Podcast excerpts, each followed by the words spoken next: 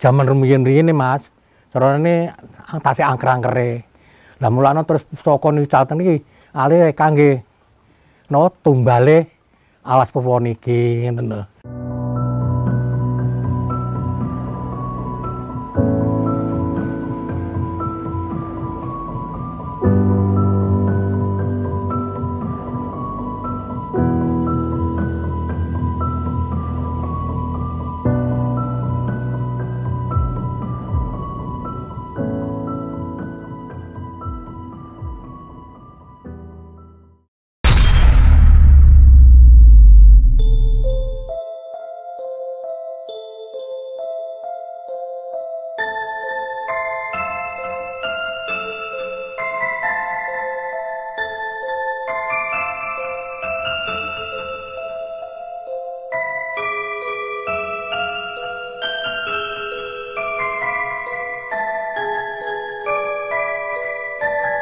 Halo Sobat Javanika di mana pun kalian berada Assalamualaikum warahmatullahi wabarakatuh. Salam rahayu, rahayu, rahayu, Om Swastiastu.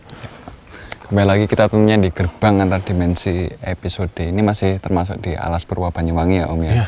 Dan setelah kemarin kita mengunjungi belantara hutannya, sempat masuk ke salah satu goanya juga dan kali ini kita menyempatkan diri untuk datang ke salah satu situs peninggalan dari makam Mbah Dowo. Nah, Mbah Dowo ini kalau dibilang-bilang cukup fenomenal juga ya Iya. di internet banyak sekali beredar artikel tentang beliau kayak gitu. Sebenarnya ceritanya sedikit gimana Om tentang tempat ini? Eh, ya, jadi ini juga pernah kita ketemu waktu ke Tidar, Mas. Hmm. Tidar, hmm. Waktu ke sana dan eh, beliau juga mengingatkan kita dengan salah satu sosok Syekh Mm-mm. yang terkenal dengan ini dalam tanda kutip ya, Ya. itu menumbali tanah Jawa Ya. atau menetralisir tanah Jawa, yaitu Syekh Subakir gitu. Dan ham- eh, boleh dibilang sama Mm. dengan yang ada di Bukit Tidar yang ada di Kota Magelang.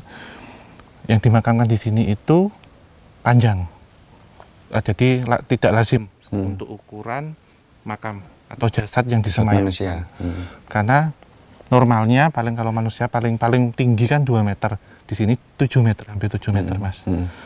Eh, sehingga bisa disimpulkan bahwa yang dimakamkan di sini adalah bukan jenazah melainkan pusaka, Pusaka.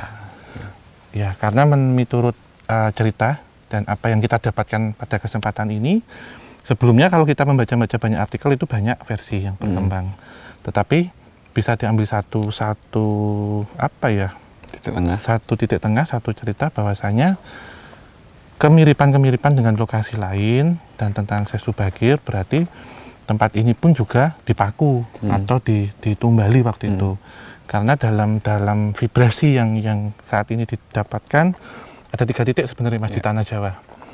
Pertama jadi Sesu Bagir itu datang ke tanah Jawa pertama menuju ke ujung kulon Mm. yang ada di provinsi Banten. Ya insya Allah nanti kalau kesempatan kita ke ujung kulon. Ujung Kulon. Jadi ini ujung wetan kan sudah. Ya. Kemudian beliau ke ujung wetan atau ke Alas Purwo ini. Mm. Yang terakhir ke Bukit Tidar. Bukit Tidar. Jadi tanah Jawa sendiri itu kan tidak stabil mas kalau dilihat. Mm. Di situ juga dilintasi dengan pertemuan patahan, patahan tektonik dan juga vulkanik yang yang melintasi di situ. Sehingga tanah ini memang uh, yang dikenal subur, gemari Palo Jinawi, tetapi kita sebenarnya berdiri di atas tanah yang rapuh. Ya. Pertama, karena banyak sekali dengan bencana. Sehingga waktu itu pun sudah dipikirkan untuk mitigasinya seperti apa. Yang kedua, pastilah tanah Jawa terkenal dengan angker, terkenal dengan uh, keramatnya. Ya. Beliau datang ke sini tujuannya memang untuk menetralisir ini semua. Sehingga saat datang ke tanah Jawa, terutama ke Alas Purwo ini, ditancapkanlah salah satu tombak di situ Mm-mm. yang tujuannya untuk me- mengkarantina lah mas bahasanya kalau sekarang sosok-sosok astral tua, sosok-sosok astral besar agar tetap ada terpaku di Mm. Alas Purwo ini sehingga kemudian beberapa alim ulama eh, para syekh datang ke tanah Jawa ini dipermudahkan gitu Jalannya dipermudah. Mudahkan, karena ya. itu. Mungkin kalau aku dulu sempat baca ya, baca beberapa komentar pem- apa penonton kisah tanah Jawa Iya. waktu kita ke Gunung Tidar sempat ada pertanyaan ke dari salah satu netizen tentang kenapa sih untuk menduduki tanah saja makhluk halus perlu ditaklukkan karena derajatnya kan manusia Iya, iya. Lebih tinggi daripada makhluk halus. Tapi sebenarnya kan sesimpel kayak gini ya mungkin kayak saya Subair datang ke sini beliau ya ibaratnya ya kalau nuwun Pasti. pegang pegang Iya. pegang merekanya supaya ke depannya juga lebih mudah dikontrol juga kayak gitu. Bukan semena-mena terus wah takut gitu? Enggak kayak gitu. Bahkan mungkin kalau ditanyakan para makhluk halus ini pasti respeknya sangat besar juga Iya. ya kepada saya Subair juga ya. Iya pasti. Karena di waktu itu jadi begini kalau kita kita melogika ya ini karena berkaitan dengan makhluk astral pasti berpikirnya tentang musyrik kita kalah sebenarnya tidak. Hmm. virus saja kan seperti itu mas. Ya. Termasuk hewan buas harus dikarantina. Jadi sebenarnya fungsi di sini adalah lebih bisa mengkontrol Hmm. mengcover gitu. Dan beliau pun yang di sini juga tidak sembarangan karena harus berdiskusi kemudian menyatu dengan alam semesta dan yang jelas minta petunjuk. Ya. Pertama dari Tuhan yang Maha Kuasa, kemudian wisik juga dari para leluhur. Leluhur baik yang memang datang dari beliau juga para leluhur tanah Jawa. Solusinya bagaimana Iya. untuk menetralisir tumbal itu sebenarnya tidak dimaksudkan seperti kita memberi nyawa tidak. Yaitu memang memang ada ada penyelewengannya lah mas. Hmm. Tetapi tumbal di sini sebenarnya tujuannya untuk menetralkan. Hmm. Jadi ada yang ditanam di situ sebenarnya untuk menetralkan, untuk selamatan gitu mas. Hmm. Ini yang tujuan sebenarnya seperti itu. Nah, makanya yang ditanam bisa sesuatu benda, mustika, Mm. bahkan pusaka dan ada juga yang yang kalau sudah kita bilang kiri Mm. itu bisa nyawa, Ya. baik hewan ataupun manusia. Ya. gitu. Dan sebenarnya tentang makam Mbah ini sebenarnya ada ada banyak versi ya teman-teman. Iya. Eh, salah satunya adalah versi dari Saya Zubair ini sendiri. Terus kalau di internet itu kalau nggak salah banyak artikel juga menyebutkan bahwasannya di sini terdapat sebuah pusaka dari Empu Barada Iya. untuk melawan calon narang jadi kayak the battle of calon narang tapi kita tidak akan membahas itu terlalu dalam itu hanya sekilas sekilas berita yang beredar di internet aja mungkin kita lebih memperdalam dari versi Saya Subahirnya kayak gitu. karena tempat ini kan dikunjungi banyak tokoh jadi Iya. kemungkinan banyak cerita juga pasti mungkin ada kayak gitu. Iya, kalau kalau yang dimaksud Mas Genta yang uh, Empu Barada memang iya Mas. Hmm. Ada ada kaitannya lokasinya jika kita lihat uh, 1200 tahun yang lalu gitu. Hmm. uh, 800 tahun yang lalu memang memang ini menjadi satu tempat yang tertimbun-timbun Iya. untuk untuk peristiwa sejarahnya. Kalau kita kaitkan kemarin dengan Hmm. uh, situs kawitannya atau situs tua, situs sejarah ada kaitannya dan hingga tempat ini kemudian sekarang dijadikan hutan produksi untuk penanaman hutan eh, kayu jati Hmm. milik dari perhutani. Gitu. Mm.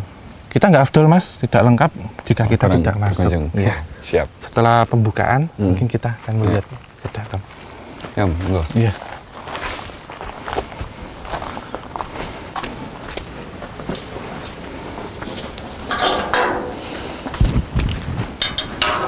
Iya. Monggo mas, Mbak. Ya. Kita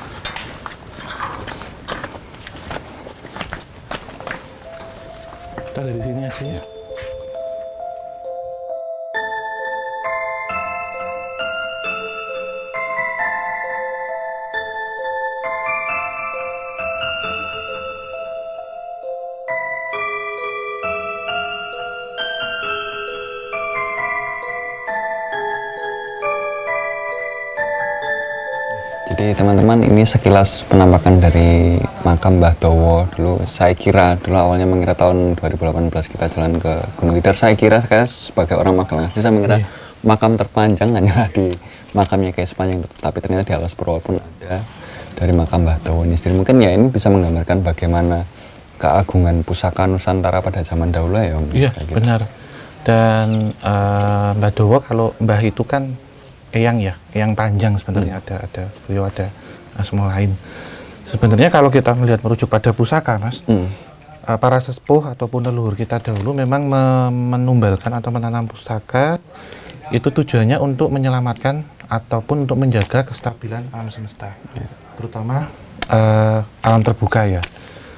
Terlepas itu dari untuk makhluk astral, bisa juga kalau kita lihat di lereng gunung tujuannya agar gunung itu tidak longsor atau ditaruh di sekitaran jembatan agar pondasi jembatan tidak tergerus.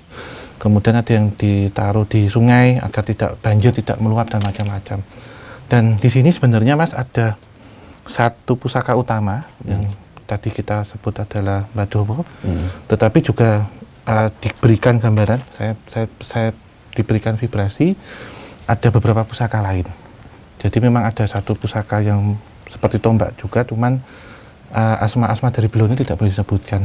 Kemudian ada song-song mas, Congsong itu apa? Uh, payung, Oh payung. iya yang ada di sini juga. Selain memang ada beberapa banyak pusaka-pusaka lain yang ditanam di sini. Dan uniknya Mas, uh, ini dahulu memang ditemukan itu secara tidak sengaja. Mm. Ketika ada anak-anak pengembala kambing waktu itu tersesat di sini ceritanya. Ya.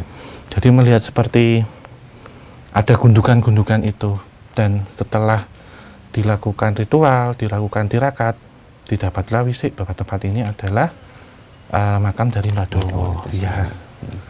Dan jika memang benar senjata senjata yang modelan seperti ini digunakan untuk berperang, berarti kan Iya. kalian bisa bayangkan sendiri pertempuran itu sehebat apa Oh, iya. gitu ya Om ya. Iya, Mas. Sampai menggunakan pusaka se ini panjangnya 7 meter ya Om? Iya, ini ini panjang dari pusaka dan galanya Mas sebenarnya. Hmm, galanya. Sepanjang itu dan memang di sekitar ini kemudian menyerap Mas. Kalau kalau kita kita lihat bahkan kalau kemarin kita sempat sempat berjalan ya Hmm. di hutan, di pantai, ada uh, batu, kemudian juga ada gua Hmm. yang ada di kisar Alas Purwo ini. Itu kan pasti ada pusaka dan mustika di situ. S- uh, terkadang yang melakukan rapat itu tidak hanya terbatas manusia ataupun makhluk astral, tetapi kekuatan ataupun energi dari pusaka-pusaka itu berkumpulnya juga semua di sini, Mas. Jadi sentral. Jadi beliau dituakan menjadi seorang sesepuh, menjadi mbah dari pusaka-pusaka yang ada di sekitaran Alas Purwo ini Iya. menjadi satu. Ya, saya mau melakukan ini. Ya, jadi ini kita kita kalau misal ke sini tuh ibarat kata ini ya Mas ya, membawakan oleh-oleh Mm-mm. gitu. Dan juga ada sedikit laku eh, apa? Ritual sedikit dan sebenarnya untuk informasi-informasi ini memang tidak mudah didapatkan di literatur apa pun. Sehingga orang yang ingin mendapatkan informasi tersebut harus memiliki keyakinan dulu, Iya. niat, maksud, tujuan, dan kebersihan hati saat datang ke sini dan saat melakukan ritual ataupun semedi, barulah informasi itu akan diberikan. Iya. Gitu, Mas Genta. Mas Genta mau tabur ya. bunga? Oh iya. Ya. Ini saya ini dulu. Ini total 9 nanti saya tancapkan di tiga. Ini di sini kayaknya. Ya, Ada bekas-bekas dukanya. ya, enggak saya tak tak terus depan.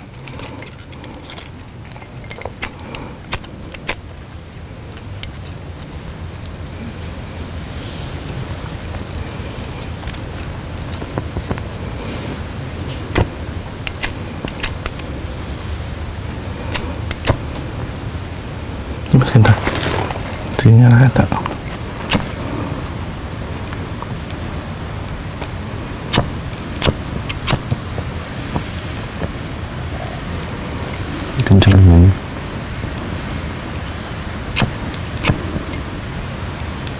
Habis gasnya? Iya, Hmm. kok bisa?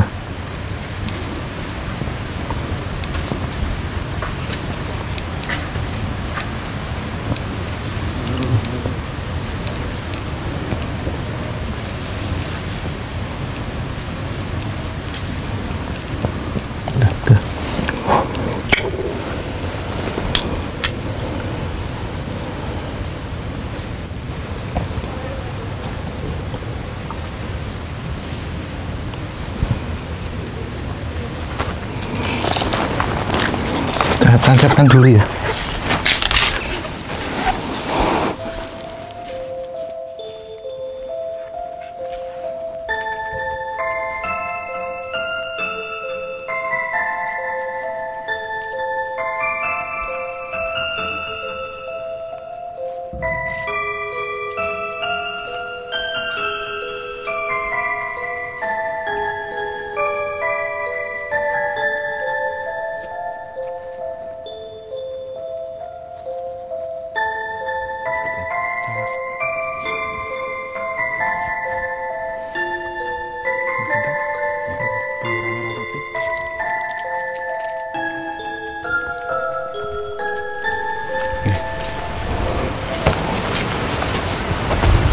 Mau sambil duduk apa berdiri? Eh, berdiri aja. Ya. Ya. Apa kita bergerak ke sana? Ya udah. Ya.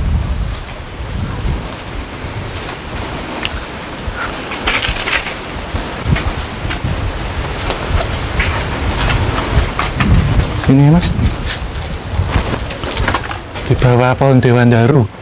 Nah ini mungkin bisa disorot mas. Ini pohon Dewan Daru dan buahnya. Ya. Jadi memang ini Mas Genta. Hmm. Di sini kalau kita lihat eh, makam di sini ya. Cuman beliau yang menjaga, yang melingkari areal ini. areal ini itu Eyang Naga di sini. Itu juga berkaitan dengan pusaka yang ada di sini juga. Hmm. Eh, dan ini memang diamanakan. Jadi beberapa orang yang datang ke sini sebenarnya untuk tujuan macam-macam ya, untuk lebih ke ngalap berkah dan mengambil eh, aura positif dari pusaka yang ada di sini gitu. Hmm. Jadi untuk kewibawaan juga untuk kemenangan, untuk melindungi diri yang saya lihat paling banyak. Jadi ketika eh, orang itu mungkin sedang ada di suatu jabatan tertentu ataupun di suatu karir tertentu, itu juga perlu untuk memproteksi dirinya sehingga tidak mudah diserang. Diserang di sini dalam artian serangan baik yang terlihat maupun yang tidak terlihat. Ya mungkin gitu ya teman-teman semuanya. Dan sedikit cerita tentang makam Badawa selaku ya cerita salah satu cerita fenomenal yang ada di Alas Purwo ya, Iya. Ya. karena bagaimanapun juga ini juga bisa menjadi awal sebelum perjalanan sebenarnya Iya. karena ini let- letaknya di paling paling ujung juga. Jadi ya sekilas mungkin yang bisa kita ceritakan tentang ya kehebatan-kehebatan di Alas Purwo ini sendiri makam Badawa dan segala macamnya dan masih banyak lagi. Monggo omong kalau ada pesan-pesan Hmm, eh, sejatinya begini kalau kita ziarah ke makam ataupun makom ya, ke makam atau pesarian ataupun petilasan itu saat kita berdoa sebenarnya tidak kemudian kita memohon atau meminta dengan yang disarikan di sini. Terla- ter- tetapi terlebih pertama kita mendoakan eh, misal ini jenazah kita meminta untuk diampuni dosa-dosanya sewaktu beliau masih hidup sama waktu mendiang masih ada karena salah satu amal yang dibawa meninggal itu kan doa anak soleh. Dari kita kita semua dari tujuh keturunannya. Lantas yang kedua ketika uh, doa kita itu dikabulkan oleh Tuhan yang Maha Kuasa itu sejatinya kita meminta. Semoga uh, apa yang sudah menjadi beliau yang mendiang yang sudah dimakamkan keberuntungannya karirnya uh, rezekinya semoga Tuhan menyamakan dengan kita cucu-cucunya gitu. Jadi tidak lantas uh, jenazah ataupun yang dimakamkan mendiang itu yang mengabulkan bukan mas tetapi kita minta disamakan Pak, dengan beliau yang sudah dimakamkan itu biar Tuhan ngijabahi ngaminkan Iya. doa-doa kita seperti beliau dahulu dimuliakan gitu itu sih mas kalau pesan-pesan saat kita bersiarah Hmm. mungkin udah Ya, akhir kata. Ya, mungkin uh, akhir kata Wabila taufik walidayah. Wassalamualaikum warahmatullahi wabarakatuh. Mugi tansah pinaringan rahayu sagung dumadi. Om santi santi santi om. Ya. Ya.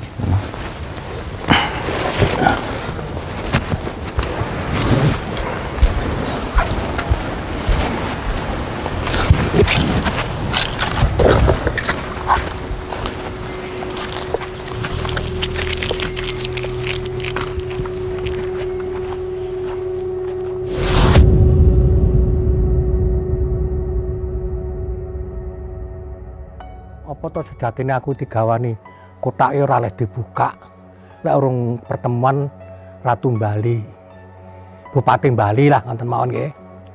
Lah teng mriki istirahat jaman rumiyin. Niku terus di, di kotak niku dibuka.